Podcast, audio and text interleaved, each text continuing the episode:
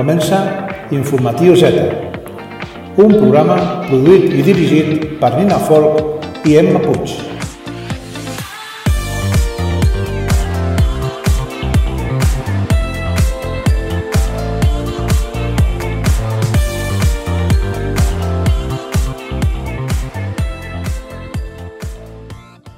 El diccionari defineix les pràctiques esotèriques com els ensenyaments privats destinats als membres d'una escola, és a dir, als quals només hi poden accedir els iniciats. Les obres d'Aristòtil eren de caràcter esotèric, mentre que les de Plató, per exemple, buscaven la seva divulgació. L'esotisme està lligat a l'ocultisme, que es defineix com la pràctica esotèrica basada en la pseudociència i a la creència dels poders misteriosos o amagats que són possibles de sotmetre's al control humà. Pot incloure màgia, experiències paranormals, endevinació, entre d'altres moltes coses. Al reportatge d'avui parlarem sobre com diverses pràctiques, en què, com són diverses pràctiques, en què consisteixen i la seva història. Potser no coneixeu la paraula quiromància, però probablement heu jugat alguna vegada a llegir-vos la mà. Segons els practicants, les línies, marques i característiques de les mans poden ajudar a endevinar el passat i predir el futur d'una persona.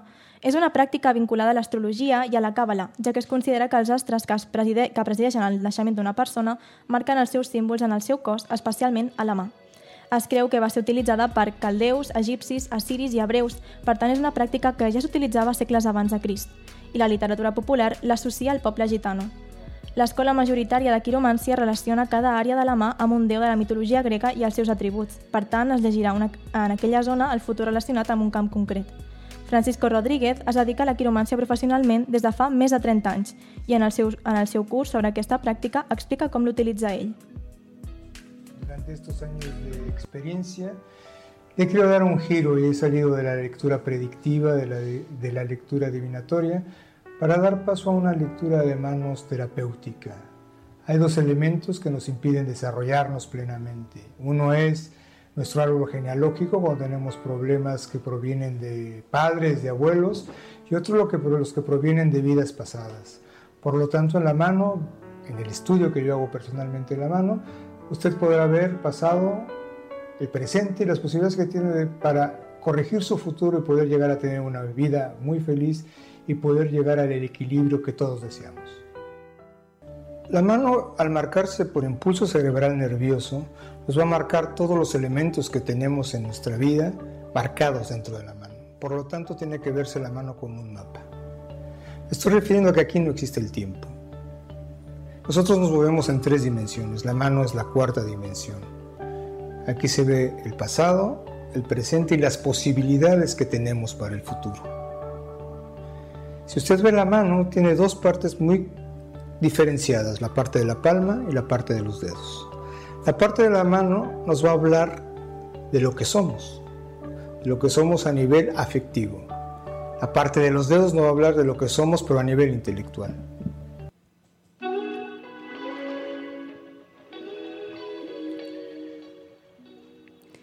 Per altra banda, tenim l'astrologia, que estudia com els astres influeixen a la vida i en el.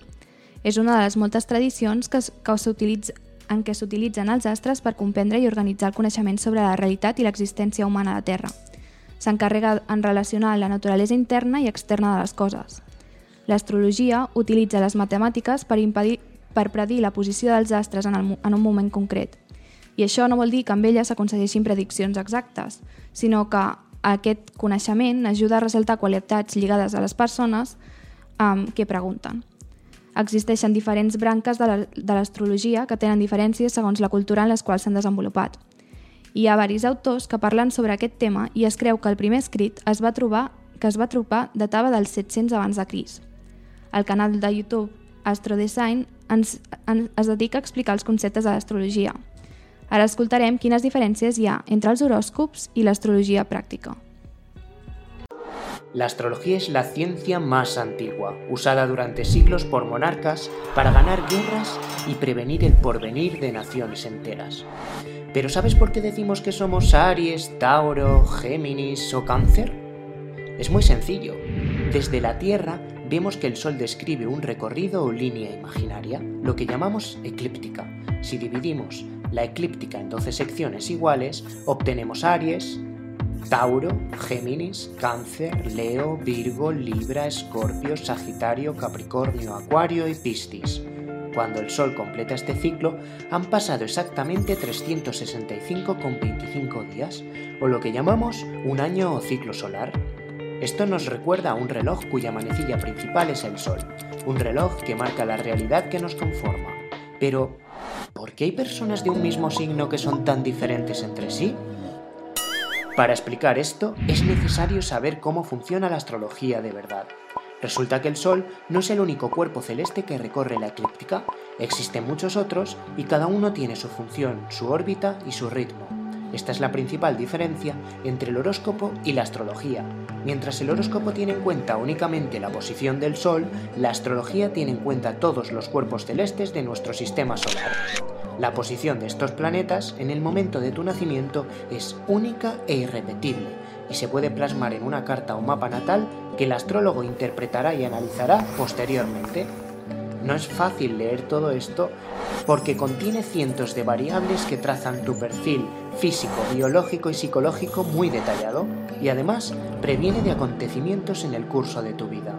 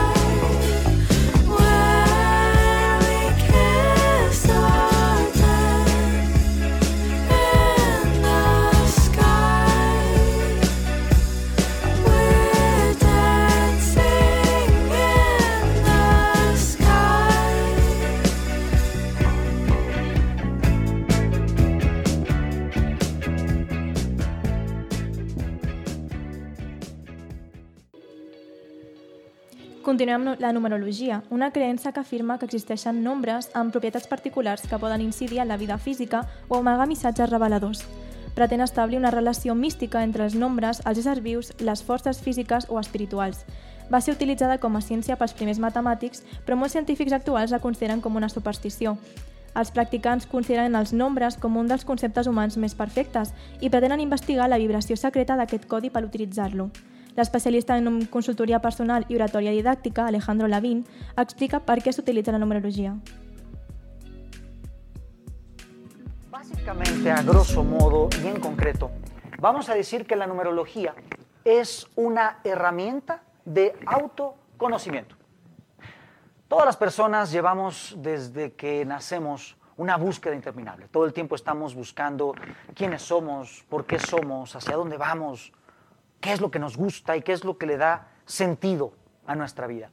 Y déjame decirte que la numerología es un método que justamente busca eso, que entendamos cuáles son aquellas cualidades positivas y negativas que ya están preprogramadas dentro de nuestra psiquis. Más adelante vamos a ver que lo- los números de nuestra fecha de nacimiento ya nos aportan un paquete de información subconsciente. Esa información hay unas partes que son positivas, algunos dones y algunas cualidades que podríamos considerar desarrollables o perfeccionables, si es que la palabra negativo tiene un impacto un poquito fuerte en ti. Así que es una herramienta de autoconocimiento. Segur que molts coneixeu el tarot, un joc de cartes que s'utilitza per fer endivinació. Consisteix en una baralla formada per 78 cartes, on hi ha 56 arcans menors, que serien els pals normals, piques, espases, copes i oros, o en el cas francès, cors, diamants, trèvols i piques, i 22 arcans majors, que contenen una simbologia més específica. La lectura del tarot s'enmarca en la creença de que, les, de que les cartes poden ser usades per comprendre situacions actuals i futures de la persona consultant. Algunes diuen que les cartes són guiades per una força espi espiritual, mentre que altres creuen que les cartes els ajuden a introduir-se en un inconscient col·lectiu. La seva història és molt llarga i incerta. Es considera que el joc va néixer a Itàlia com un joc de cartes per nobles, ja que les primeres baralles estaven pintades a mà i amb pintura d'or. Alguns consideren que el joc provenia de la cultura egípcia o l'occidental, però no sembla que hi hagi proves per sustentar-ho. Més tard es va popularitzar i es va estendre pel món. Inicialment no s'utilitzava per l'endivinació, però la simbologia que amagaven les cartes va fer que cap a finals del segle XVIII es relacionessin amb la màgia i l'ocultisme. De fet, tarot en egipci es pot traduir com real camí. Hi ha molts tipus de baralles de cartes. Les més conegudes per ser les primeres i les més fàcils de llegir serien la Visconti i la de Marsella. Si voleu conèixer més sobre aquest joc, us recomanem que escolteu els dos capítols del podcast Encrucijada Pagana, on fan una explicació més extensa sobre la seva història. Per una altra banda, la youtuber i bruixa verda Alana explica la seva visió sobre el tarot. Se puede usar de tantas maneras como personas hay, ¿vale? Lo que nosotros conocemos más como el uso del tarot es el uso adivinatorio. El uso que sirve pues para ver el pasado, ver el presente y llegar a ver el futuro. Pero se puede utilizar también como una herramienta de reflexión, como una herramienta de sanación espiritual, sé que mucha gente lo utiliza. Bueno, a mí me gusta mucho como una herramienta de autoconocimiento y de reflexión, más que nada, aunque también lo uso como uso adivinatorio, ya os digo. ¿Qué podemos decir de esto? ¿Cuán fiable es utilizar el tarot como uso adivinatorio? En general, sobre el uso adivinatorio del tarot hay consenso en que lo que sale, lo que se ve, no es algo escrito en piedra, sino que es algo que sale así porque tal cual está el presente, si no haces nada por cambiarlo, o sea, si sigues en la misma dinámica, eso derivará en lo que salga como futuro. La tassanomància és un mètode de predicció en el qual l'intèrpret utilitza els pòsits de cafè, vi o te per investigar sobre les qüestions més crucials respecte a la persona que pregunta. Per interpretar i donar un sentit lògic a les diferents figures que apareixen al fons de la tassa, cal un alt grau de concentració i tenir una gran imaginació i instint, tot i que existeix una guia simbòlica. L'origen d'aquesta pràctica remunta a l'antiga Xina i a Europa va adquirir molta popularitat en els segles XVIII i XIX. El canal de YouTube Meditación y Tarot de Asaya explica d'on prové aquesta pràctica. Se puede leer el futuro a través de los pozos del café y también el pasado y el presente. De hecho, es una práctica muy antigua. Sus orígenes ancestrales se pierden en el tiempo. Posiblemente los viajeros y comerciantes europeos lo trajeron de África y Asia. Sin embargo, hay expertos que sostienen que el café fue introducido en Armenia mucho antes que en Europa. Así pues, los primeros orígenes de este arte, como es la lectura de los pozos del café, deberían buscarse en el Medio Oriente. Un viejo proverbio armenio dice, toma esta taza y que Dios te haga hablar. Y es que los pozos del café pueden convertirse en un interesante oráculo para predecir el futuro.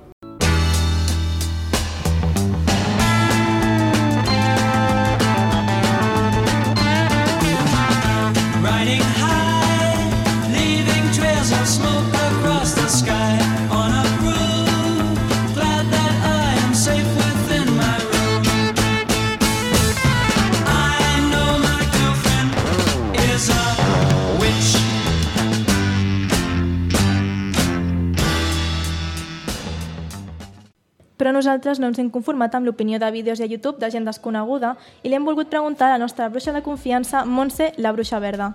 Podríem dir que és com la nostra Esperanza Gràcia o Aramis Fuster, però molt, molt més simpàtica i menys circa.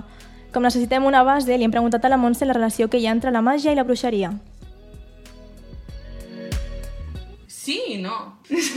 Dudo, no creo que se haga ningún milagro. Tal y como lo veo yo, es como son pequeñas cosas, son como más, en plan, mantras que te puedes hacer a ti misma para ayudarte en tu día a día. Por ejemplo, cuando haces algún hechizo, que entre comillas, en los cuales pues haces una mezcla de hierbas, que son unas para una cosa, otras para una cosa y luego lo sellas.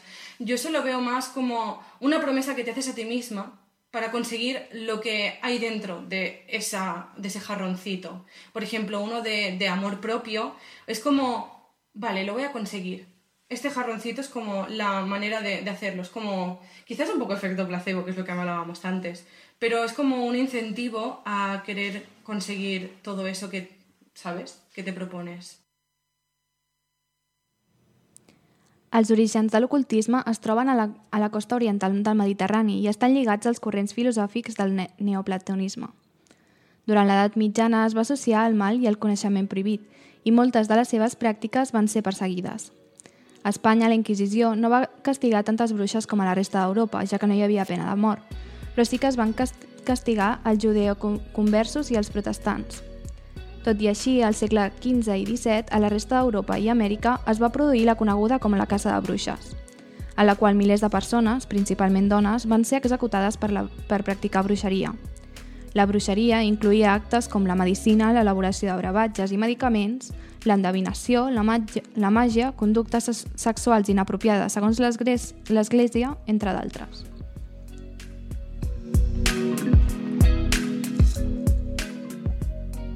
Però, durant el Renaixement, amb la troballa de nous manuscrits de l'alquímia, va ressorgir l'interès per l'ocultisme, que va quedar en segon pla a causa de l'avanç de la ciència empírica. Durant el romanticisme van sorgir cercles ocultistes sovint lligats a l'espiritisme.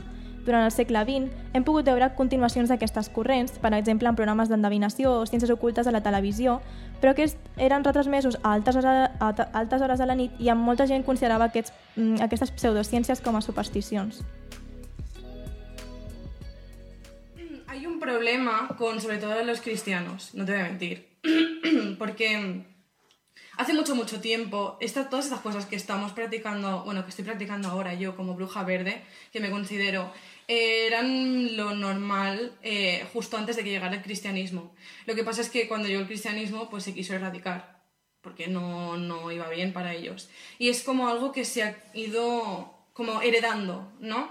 Y ahora, eh, si dices que estás practicando otra religión o que a lo mejor no crees en Dios, que estás haciendo otras cosas, o que yo, por ejemplo, no creo en Dios, no, o sea, yo estoy haciendo esto porque me gusta y ya está, no, tampoco creo que vaya a hacer aquí, no sé, que vaya a hablar con Atenas, ¿sabes? Entonces, que, hay gente que dice que lo hace, pero bueno, es como que cada vez que dices que a lo mejor te gusta la astronomía, o la astrología o cosas sobre el tarot y el péndulo, como que la mayor parte cristianos eh, van a por ti diciéndote que, bueno, que Dios se apiade de ti y cosas por el estilo. Y a mi persona, sí, eh, me he encontrado muchísimos vídeos, eh, sobre todo en TikTok, eh, de a lo mejor chicas que decían, mira, esto es un hechizo para ti misma porque te estás sintiendo mal últimamente, pues mira, puedes hacer esto porque esto tal, no sé qué, no sé cuántos, y te metes en los comentarios y la mayoría son que Dios se apiade de ti. Em, eh, ojalá encuentres a Jesús, ¿sabes? Y me he dado cuenta de que la mayor parte de gente que critica estas prácticas son cristianos y es seguramente porque desde que empezaron a practicar el cristianismo, pues ya se les inculcó que era la única religión posible y, y ya está, ¿sabes? Y es que me, me la suda, eh, muy fuertemente además. Si no quiere creer, pues que no crea. Yo seguiré tranquila en mi casa con mis velas, ¿sabes? En plan, lo que diga un señor de 80 años, me- de verdad que me da igual. Pero creo que normalmente se suele preguntar bastante que cómo puede ser que, eh, en cuanto a la astrología, por ejemplo, que cómo puede ser que unos planetas pues decidan cómo eres tú en, en tu día a día, ¿no? Pues bueno, yo no tengo la respuesta. Tú la sabrás si crees o no. Yo he visto similitudes en, en personas y en cosas, mm, pero vamos, es que tú sabrás. ¿En qué momento pone que la brujería sea magia? Yo no lo he leído en ningún lado. Así que, no sé, mira que he hecho un buen, o sea, he buscado un montón de, en un montón de sitios, he leído un montón de libros y en ningún lado se habla so- sobre magia. Ni milagros ni nada. Se habla sobre energías. Las energías. Eh, cada persona e incluso objeto tiene unas energías. Y como que tú puedes conectar con esas energías y entonces no manipularlas, pero sí como que utilizarlas. ¿Vale? Y entonces pues se hacen cosas como el péndulo, que te dice dónde están las cosas, o como incluso el tarot.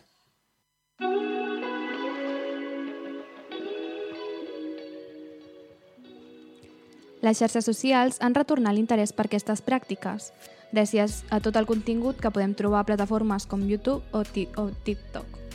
A més, amb la creixent preocupació del canvi climàtic, una part de la població adolescent ha començat a acostar-se a les pràctiques de bruixeria, ja que es basa en la veneració i el manteniment de la terra. És possible que alguns dels seguidors del moviment ecologista trobin a la bruixeria pràctiques afins als canvis que volen produir al nostre planeta. Però no només reaccionen les persones de les xarxes socials, sinó que també ho fan les del nostre cer- cercle més pròxim. La Montse ens explica la seva experiència. Por ejemplo, mi familia, eh, mi padre no le gustan estas cosas, eh, así que a él Siempre lo hago cuando él no está en casa, porque así, pues mira, nos evitamos discusiones. Entonces, y además tengo mejor, estoy yo sola y lo hago yo mejor. Eh, mi hermana siente mucha curiosidad y pues de vez en cuando, ay, ¿qué haces? Uy, a ver, ¿cómo lo haces? ¿Y esto para qué sirve? ¿Sabes? Entonces, pues como que muestra interés. Mi madre, pues de por sí ya así, hacía según qué cosas, no como yo, pero bueno, también ha mostrado interés, está, está leyendo algunos de los libros que me he comprado y está bien. Mi pareja eh, me ayuda también a encontrar eh, páginas, también me, me ayuda a encontrar ingredientes, a prepararlos, a hacer la preparación y siempre se me queda mirando cuando hago las cosas en plan, hola. no forma parte porque dice que me da miedo. es que... Pero bueno, no pasa nada. Y luego mis amigas, que son geniales, o sea, me empezaron a preguntar un montón, se informaron un montón, cada vez que les decía, mira, he encontrado esto, o eh, mira, en nada es esta festividad, me pedían información sobre la festividad, les- me decían que es súper guay, que... y ya como que planeábamos qué hacer, cómo hacerlo, cuándo hacerlo, em, yo qué sé. Y pues la verdad es que muy bien. Y además como que no lo están haciendo así por obligación, sino que realmente, genuinamente, quieren saber, saber sobre el tema. De hecho, también tengo un amigo, el David, que está haciendo eh, mejunjes y hechizos suyos propios sin que... Sin, sin tener que decirme a mí nada. Y pues me enorgullece, la verdad, porque es del palo astras. Le, he metido yo ahí, ¿sabes? De antes no, había, no, no sabía nada de esto ni nada.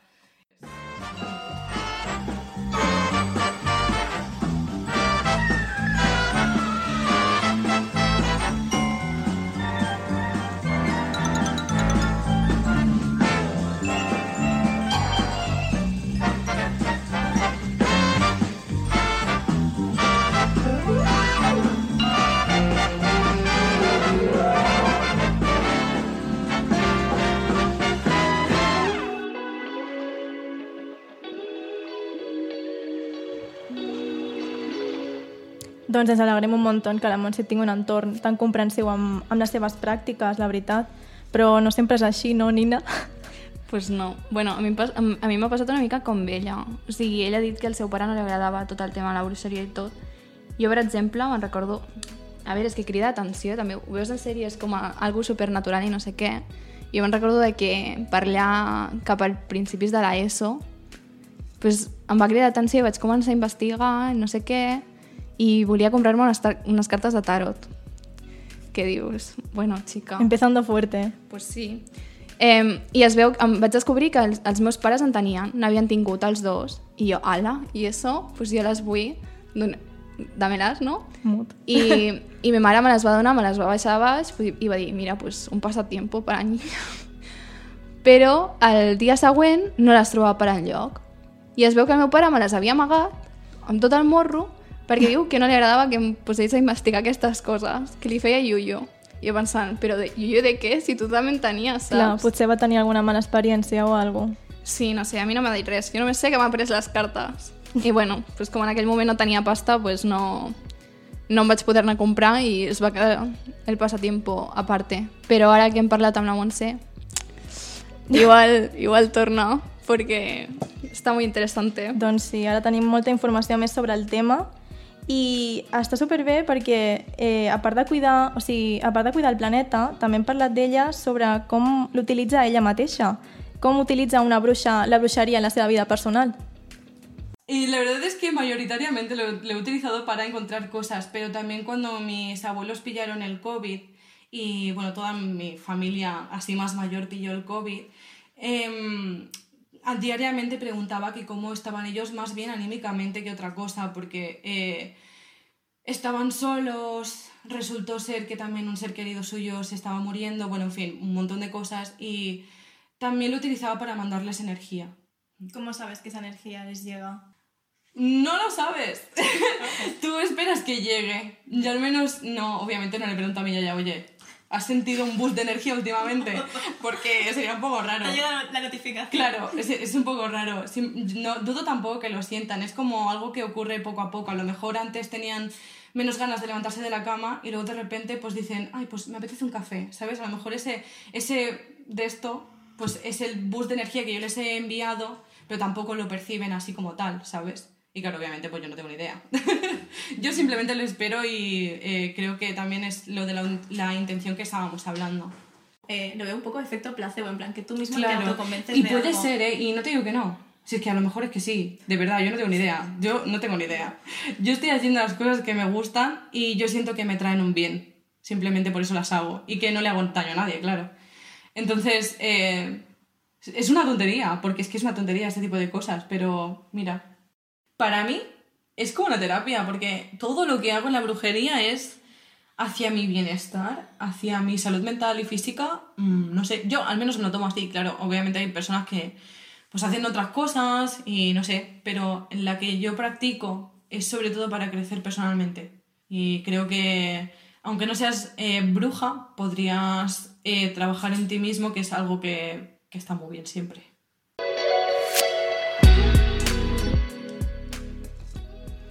Pues a mi em sembla molt bé, la veritat, d'utilitzar la bruixeria com a teràpia i... Sí, és que és el que diu, és que no fa res dolent i sembla, si vols creure en les energies i et sents bé, pues, és com quan reses esperant que, sent cristià, per exemple, reses esperant que Déu pues, et doni el que sigui. Pues... O sigui, jo veig que eh, està molt bé perquè és el que diu ella, eh, potser no és una tonteria, potser és, és efecte placebo, però al final t'està produint un bé a tu mateix i a la teva salut mental, que com dèiem a l'últim programa, és molt important, igual que la física. I no sé, eh, no sé, és que fer això i el de trobar coses preguntant al pèndol em sembla eh, una fantasia. Eh, necessito eh, aprendre a fer això perquè jo sóc un despiste i m'ho deixo tot per tot arreu. També es comentava que li servia per preguntar si li quedaria bé un tall de cabell o no. Molt, Super necessari, eh? Pues, Super pràctica, més. Pues sí, jo ho utilitzaria per prendre totes les decisions de la meva vida, perquè... Oh, potser no va per aquí, no?, el que deia la Montse. Pues sí, jo sí, perquè dic, em compro això o no? Jo sempre acabo dient que no, pues si el péndulo me dice que sí, pues estaria bien, no? Un, així, una de cal i otra d'arena. Estaria bé, sí, sí. I tu, a part d'això, fas algun ritual del plan... Perquè vas comentar que eh, ella feia com coses amb el cafè. Sí, eh, o sigui, jo no m'hi tiro res al cafè perquè, bueno, en plan, no m'agrada el sucre i ja està, fin. Però eh, li dono voltes com pensant, bueno, si em bec aquest cafè, pues tindré un dia correcte. En plan, tampoc espero un gran dia, però mm, ho faig també per autoconvèncer-me a mi mateixa de que anirà bé, saps? En plan, si vas amb una mentalitat de que tot anirà bé, segurament tot surti bé. O sigui, no pots evitar que coses passin, perquè no controles el món, qui eres, però eh, per lo menys tu, tu mateixa ja vas positiva per la vida. Sí, és com algo més tipus psicològic. De Exacte. plan, tu et sents bé i pues, pa'lante. I bueno, parlant de psicologia també, eh, hem volgut saber eh, com converteix ella les pràctiques esotèriques en algun tipus de, de teràpia. I la Montse ens ha explicat un dels mètodes que ella utilitza. O sea, es algo muy chulo y le recomiendo a todo el mundo que lo haga. Eh, no es algo que sea sí o sí de brujería. Yo, por ejemplo, o sea, se le llama shadow work, ahora mismo no consigo encontrar la palabra en español, eh, porque la mayoría de las fuentes donde lo he leído eran inglesas. Entonces, eh, consta en cada, o sea, cada día o cuando en X momentos coges una libreta y pues buscas por internet o hay incluso libros también que hablan de esto y pues te haces una pregunta a ti mismo o a ti misma. Eh, y por ejemplo, em, di eh, una cosa que le has dicho a alguien para hacerle daño, por qué se lo dijiste y cómo te sientes. Y es meterte, y luego tú escribes la respuesta a esta pregunta, y es como meterte dentro de ti, de ti misma y pues pensar en las cosas que has dicho, en las cosas que has hecho, qué cosas son las que te hacen daño, las que te hacen sentir bien. Esto no lo va a leer nadie más que tú. Puedes decir lo que sea. Y es como una manera de, de vaciar cosas que a lo mejor tienes dentro que necesitas decir y que no se, puede, no, no, no se lo puedes decir a nadie o sientes que no se lo puedes decir a nadie, ¿sabes? Así que la verdad creo que esto iría muy bien a muchas otras personas, no solamente a personas que practiquen la brujería. Así que animo a cualquiera que esté escuchando esto a que lo haga y que busque sobre el tema.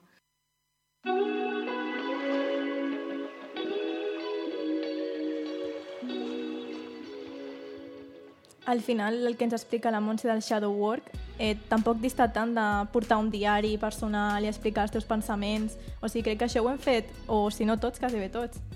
Bueno, si és que en realitat potser ens estàvem basant en una pràctica de, de bruixeria, perquè la bruixeria porta molt temps, No. o sigui, i no, i no ho sabíem, doncs em sembla No. molt bé, és una forma de, i, no sé, pensar una mica en tot el que fas, que s'hauria de fer, ja et dic. A més, es, ara perquè deies això que no ho sabem, és perquè vam estar comentant amb la Montse, eh, es van destruir molts documents i molts escrits mm, que deien quins eren els, els rituals, eh, les cerimònies i tal, eh, amb el cristianisme. I llavors no queda cap tipus de constància escrita de què seria la bruixeria i doncs, la gent va agafant dels records, del, del folklore, m'imagino, i es va fent els rituals com poden i com saben. És clar que sí. Bueno, i la, i la bruixeria era, ja ho hem dit abans, que era eh, també medicinal i eren pràctiques així, o sigui, que les bruixes, les bruixes no deixaven de ser, o sigui, lo anomenat bruixa era simplement perquè hi havia dones que feien medicina Clar. i això a algun home pues, li va molestar i va dir, pues quememos la tos totes i Ala. pues, així estem, però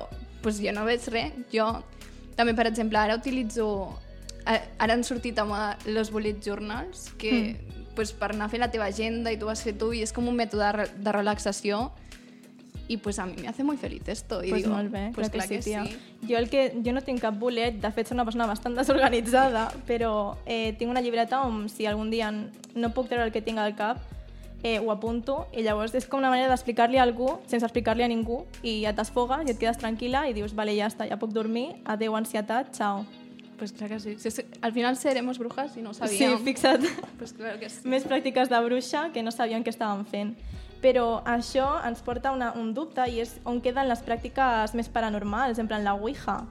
I llavors hem preguntat a la Montse què, què, què sap d'això. Yo, tal y como lo veo, considero que no. Porque, por ejemplo, lo que yo suelo hacer no tiene nada que ver con los espíritus. Que tú quieras incluir eh, hacer cosas paranormales es otra cosa. Eh, no, te- no tienes por qué ni trabajar con espíritus ni tener nada que ver con espíritus. Sí que es verdad que, pues, por ejemplo, eh, puedes hacer cosas como limpiar la casa con incienso, con... Palo santo no, porque ahora mismo está en peligro de extinción. Eh, no sé de qué árbol proviene exactamente, pero está en peligro de extin- extinción. Así que su uso en la comunidad de brujería está permitido únicamente para las personas eh, indígenas o que sean personas que utilizan en su religión actual el palo santo. Entonces, eso no, pero hay un montón de inc- inciensos, como por ejemplo el, la- de lavanda, que sí que limpias la casa. Eso es lo más cercano que puedes tener a, la bruje- o sea, a lo paranormal. O si estás sintiendo energías negativas, pues que al final lo puedes ver como en vez de un ente o un espíritu, puedes ver energías negativas. Simplemente lo limpias incluso con tu propia energía y ya está. O sea, no tiene por qué ser algo ligado. Don't you derogate or deride. You're in my world now, not your world. And I got friends on the other side.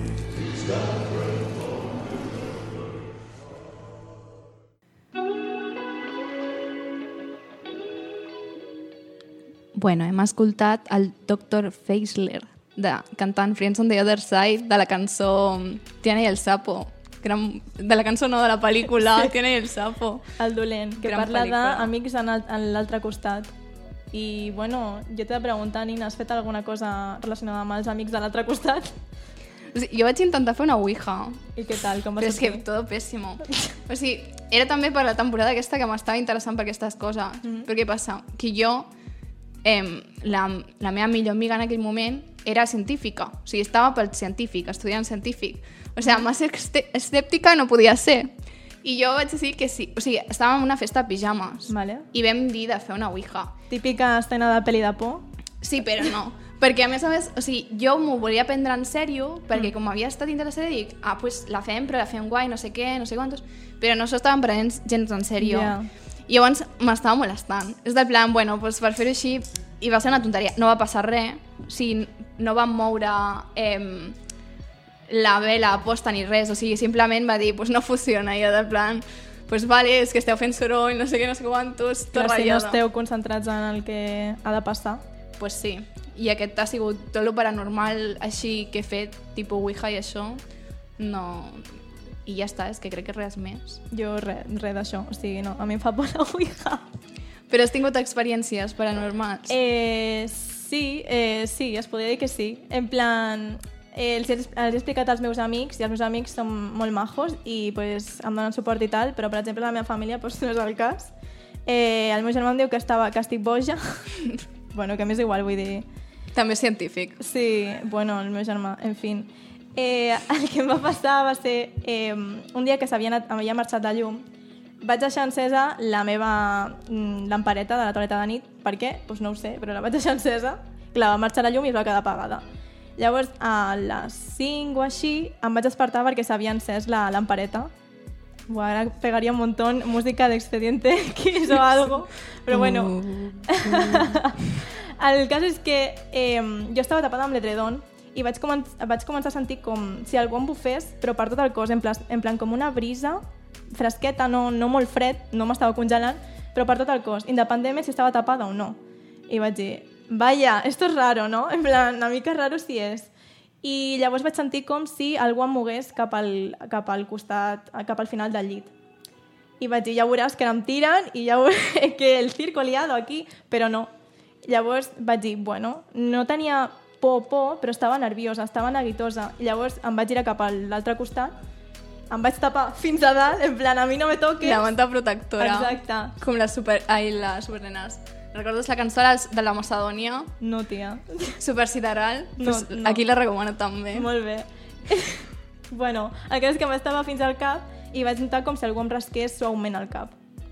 I llavors ja em vaig quedar, vale, això no és normal, no, això no, no, no. I en aquell moment tenies el Batman? No. No, és que l'Emma té un, un, un gat negre, protector. Sí. Sí. sembla molt al Salem, de Sabrina. Sí, jo només per tenir un gat negre jo crec que ja sóc considerada bruixa o algo. Ja ves, tio. Però no, no va passar res més i ja quan em vaig despertar més vaig veure que allò mm, havia estat mm, molt raro i molt heavy i ningú em va creure. Molt feo, la veritat. Vaja.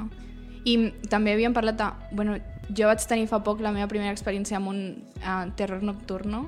No, tia, parálisis, Parálisis del sueño. del sueño, eso. Jo estoy en otra, eh? Parálisis del sueño, que no l'havia tingut mai i també... A mi això em dona molt ràbio. O És sigui, molt agobiant. Sí, jo, o sigui, perquè té exp- explicació científica en principi, però jo, rayadíssimo. bueno, eh, abans hem parlat de la casa de bruixes i ja hem dit que totes podien ser per qualsevol tonteria que et cremessin a l'hoguera. Eh, però sembla que molta gent continua relacionant la bruixeria amb la màgia negra i el satanisme, quan ja hem dit que no és per això. Eh, li hem a la Montse què pensa. Eh, no tengo demasiada información porque mi madre siempre me ha dicho, esto no lo hagas, ni, ni cerquita ni nada. Así que yo me he mantenido más bien eh, lejos. Sí. Entonces, eh, la magia negra pues sería, por ejemplo, hacer cosas eh, sin el permiso de otra persona, por ejemplo, un amarre. Un amarre es como, entre comillas, ya se explica de una manera muy rápida, obligar a alguien a estar a tu lado a pesar de que esa persona a lo mejor no quiere estar contigo. Y es como que te, te enlazas a esa persona y esa persona se enlaza a ti, ¿vale? Es sobre todo hacer cosas sin el consentimiento de otra persona o hacer daño a otra persona, ¿sabes? Porque la brujería normal, la brujería no, el lema es que no le hagas daño a nadie. Entonces esto no sería brujería. Eh, la magia negra. Sí. Eh, mm, yo, tal y como lo veo, no. A lo mejor un una persona practicante de magia negra te dice que sí que lo es.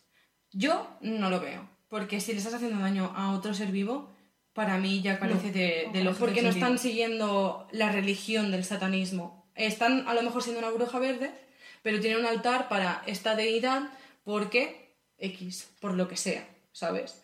Satanismo sería practicarlo, es como la Wicca, sería más una religión en la que tú te inicias, la practicas diariamente, incluso puedes tener una aquelarre, etc. Pero esto no tiene por qué ser satanismo. De hecho, creo que se diferencia bastante. No sé en qué exactamente, pero no. O sea, en la brujería no lo veneras como si fuese el dios supremo ni nada.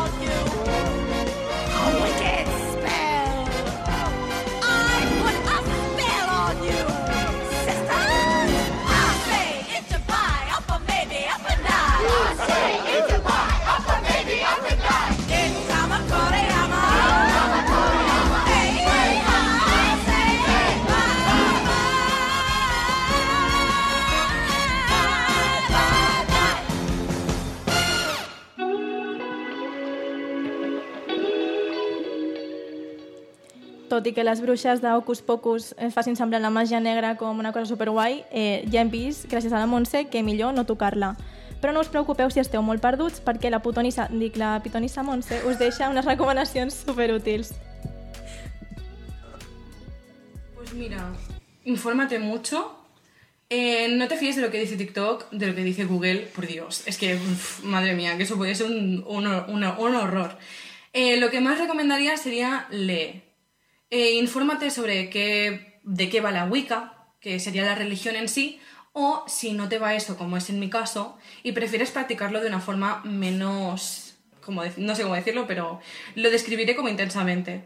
Y los libros que yo recomendaría, así de mi propia cosecha, eh, recomendaría, por ejemplo, eh, los libros de una señora que se llama Erin Murphy Hiscock, que ha hecho, o sea, ha escrito libros como, por ejemplo, eh, Bruja Verde y también el libro este que me estoy leyendo para eh, una guía de brujas para el self-care. Y luego, si quizá cre- crees que la Wicca puede ir contigo y que puede interesarte, pues te recomiendo que, te busques eh, libros de Raymond Buckland, uno que se llama en específico Wicca, el libro completo de la brujería, porque con este eh, como que empiezas a ver cosas de la brujería, te explica, por ejemplo, de dónde procede, etcétera, de cómo se originó la nueva Wi- Wicca, que fue hace relativamente poco.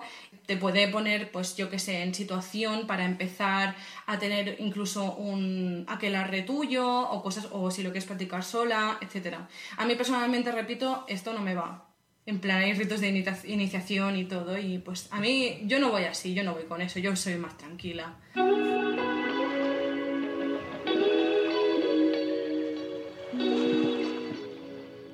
Fliple, flipeu amb la informació que acabem de rebre de la Montse, si és que és la millor. Eh, des d'aquí agraïm la, a la nostra superbruixa la seva participació extraordinària. Esperem que tots aquests coneixements us ajudin a tenir una percepció molt més acertada del que realment és la bruixeria i a desmuntar-vos una mica el mite de la bruixa satànica que mata verges. I, eh, tal com ens ha demostrat la Montse, eh, una bruixa s'estima més, o sigui, s'assimila més a ser una hippie, ecologista, vegana, estima minerals, que no la idea que ens ha fet creure Hollywood. I, I tant. nosaltres in love. Ja ves, go vegan i ja està. Bueno, però vosaltres què en penseu de les pràctiques esotèriques? Us considereu bruixes i bruixots? A nosaltres ens sembla mm, genial el que feu mentre no us feu mal a vosaltres ni feu mal a ningú més. I si al mateix temps esteu cuidant el planeta, doncs mira, millor que millor. Però no marxeu massa lluny i estigueu atents al següent programa que està, eh, seguirem parlant d'energies i espiritualitat. Com sempre, podeu deixar-nos les vostres opinions a través d'Instagram, al perfil arroba informatius Z i al Twitter amb el mateix nom. Fins aquí el programa d'avui. Ciao, Ciao, amigues, amigues, i, molt bona tarda. This